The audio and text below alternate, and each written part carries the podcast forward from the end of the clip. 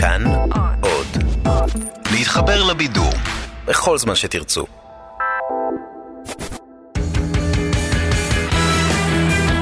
פעם בשבוע, עם תום אהרון, המונולוג המרכזי. הנושא המרכזי שלנו הערב הוא מים, או כמו שאני קורא להם, הקולה המבאסת. וספציפית, זה שישראל מתייבשת, אין מים, אנחנו צמאים, אנחנו מרוקנים, אין לנו טיפה אחת מיותרת, אנחנו יבשים כמו הביצים של שרון גל אחרי שעבר על תמונות הפרופיל של מקימי אינדיג. איזה חרמן. הוא אפילו לא עצר לחשוב, בואנה, מקימי אינדיג זה לא שם של בן אדם. אתה נתקלת לפני זה במשפחת אינדיג, שרון? מישהו אמר לך פעם, אני הולך לארוחת ערב אצל האינדיגים, כן? משפחה נהדרת, במיוחד מקימי הקטנה, וההורים שלה זורד ובלרג אינדיג. מקימי אינדיג, מאיזה עדה זה? מאיזה יבשת אפילו אתה חושב שהיא הגיעה? אה, מיבשת הדוגמניות, כמובן. אז זה עד כמה לישראל אין מים, כל מה שאמרתי עכשיו. ואני בכלל לא צריך לספר לכם, אתם כולכם ראיתם את הפרסומות, ישראל מתייבשת. חזרתי, בגלל הבצורת. כן, יש לנו מתקני התפלה. אבל בואו נסתכל על חצי הכוס הריקה. ההתפלה אינה מספיקה. אחרי חמש שנות בצורת, שאבנו את כל מה שאפשר. אין מים בנחלים. אין מים במאגרי התהום. אין מים בכנרת. ולא משנה כמה מים נטפיל, ישראל מתייבשת שוב. אין. פשוט אין לנו מים לבזבז. סבבה, כאילו, אה, איפה, איפה את נמצאת? כאילו, פיזית, את, את בבית של מישהו? מה, כאילו, זה שנגמרו המים אומר שאין יותר סיד? פשוט מצטלמת על בטון חשוף. רננה, את בונה כרגע בית ותופרת קמפיין לרשות המים על הדרך? חוץ מזה, איך שוב ישראל מתייבשת? את הבטחת לנו לפני איזה עשור, שאם רק נהיה אחראים ונחסוך במים, ייפתר המשבר. אבא שלי הביא איזה 600 חסכמים הביתה, הוא התקין אותם על הכל, הקמצן הזה. ברזים, מלחיות, משחות שיניים. הוא שם את זה על הכרטיס אשראי, הוא עד היום מתדלק עם זה, רננה. ואת אמרת שאם רק נחסוך, הכל יהיה בסדר. זה מה שאמרתם ביוני 2010. ישראל מתייבשת. זה יכול להיות אחרת. זה לא חייב להימשך לנצח. אם נמשיך לחסוך כמו שחסכנו עד עכשיו, בעוד שלוש שנים, משבר המים של ישראל יסתיים. זה יקרה כי מתקני ההתפלה יגיעו לתפוקה מלאה, אבל זה יקרה רק בעוד שלוש שנים. עד אז ממשיכים לחסוך, כי ישראל עדיין מתייבשת. לא, אז תעשי שוב ככה, שיהיה מים. בשביל מה השארת את זה על יבש? חוץ מזה, הסרטון הזה שודר לפני תשע שנים. אמרתם שאם נחסוך תוך שלוש שנים, משבר המים של ישראל יסתיים. כבר בנינו על זה. אתם יודעים איזה מאכזב זה? כמה חשוב זה לחקלאים שלא יכולים לגדל תוצרים, או לאזרחים? אתם יודעים שיאיר נתניהו, מסכן, צריך לשפוט כל שנה בתחרות החולצה היבשה? איך קובעים ניצחון בתנאים כאלה? ואיך קובעים שהישראלים לא חוסכים מספיק? הרי כשרואים את הקמפיינים האלה, התחושה היא שהישראלי הממוצע חי כמו אקוואמן. לא יודע, שאנחנו מתקלחים עם מכתזיות ולוקחים את הקורקינט של הילד למנהרת שטיפה. אבל לא, זה לא המצב. אנחנו חסכנים רצח. אנשים פה עושים ספונג'ה עם סליים, באמת. הצרכן הישראלי הוא באופן עקבי מאוד חסכן במים.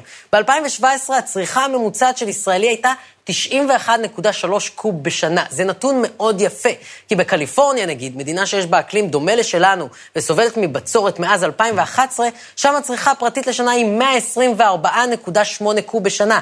כן, הרננה רז שלהם בטח מתחרפנת. ככה נראית פרסומת בקליפורניה. זקנה, זקנה. מבזבזים שם מלא. ואנחנו, גם לפי הרבה מומחים שהתייעצנו איתם, אנחנו צרכני מים מאוד חכמים. אז למה עדיין רשות המים מזהירה אותנו שישראל מתייבשת? אם הבטיחו לנו שעד 2013 אנחנו נטפיל מספיק מי ים, איך זה שוב קורה? ישראל מתייבשת כבר שנים, זו לא כותרת, שנות בצורת פגעו מאוד במשק המים, יש כוח עליון, אבל מבקר המדינה קובע היום שזה לא רק זה. יש כתובת ויש אשמים במשבר החמור שאנחנו מצויים בו, בראשם רשות המים. מבקר המדינה, השופט בדימוס יוסף שפירא, מפרסם דוח שקצת מעמיד באור שונה דברים שסיפרו לנו. אמרו לנו שזה בגלל שינויי האקלים, אמרו לנו שאין מה לעשות, שיש בצורת, אבל מסתבר, לפחות לפי מה שאומר המבקר, ישראל לא נערכה, רשות המים לא עשתה שום דבר חוץ מלהתיר רסן. וואו, אני לא מאמין שאני הגבוה עובד בוויינט, מה זה? הוא נראה כמו שאני אראה אחרי השיר עם טימון ופומבה, ככה הוא נראה. וואו. זה אגב עד כמה משבר המים חמור. אם היו משקים אותי כמו שצריך, הייתי מגיע לגודל הזה.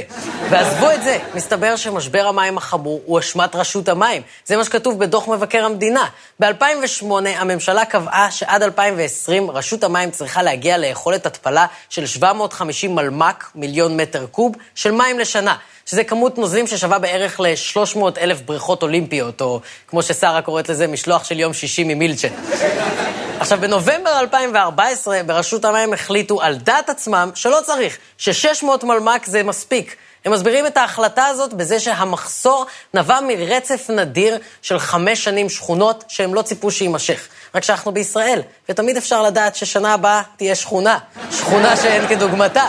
ובגלל ההחלטה חסרת האחריות והשכונה הזאת של רשות המים לא להקים עוד שני מתקני התפלה כדי לעמוד ביעדים, מצאנו את עצמנו במשבר, והיו חייבים להרים קמפיין כדי שנרגיש שאנחנו מבזבזים ושבגלל השאננות שלנו אנחנו שוב מתייבשים, כשהאשמים האמיתיים פשוט לא מוכנים לקחת אחריות. תראו מה שהיה למנהל רשות המים להגיד אחרי דוח המבקר. כל הדוח הזה מתייחס לשנים שקדמו למשמרת שלי פה כמנהל רשות מים. אני יכול לקבוע, לצערי, שהעובדות פה הן...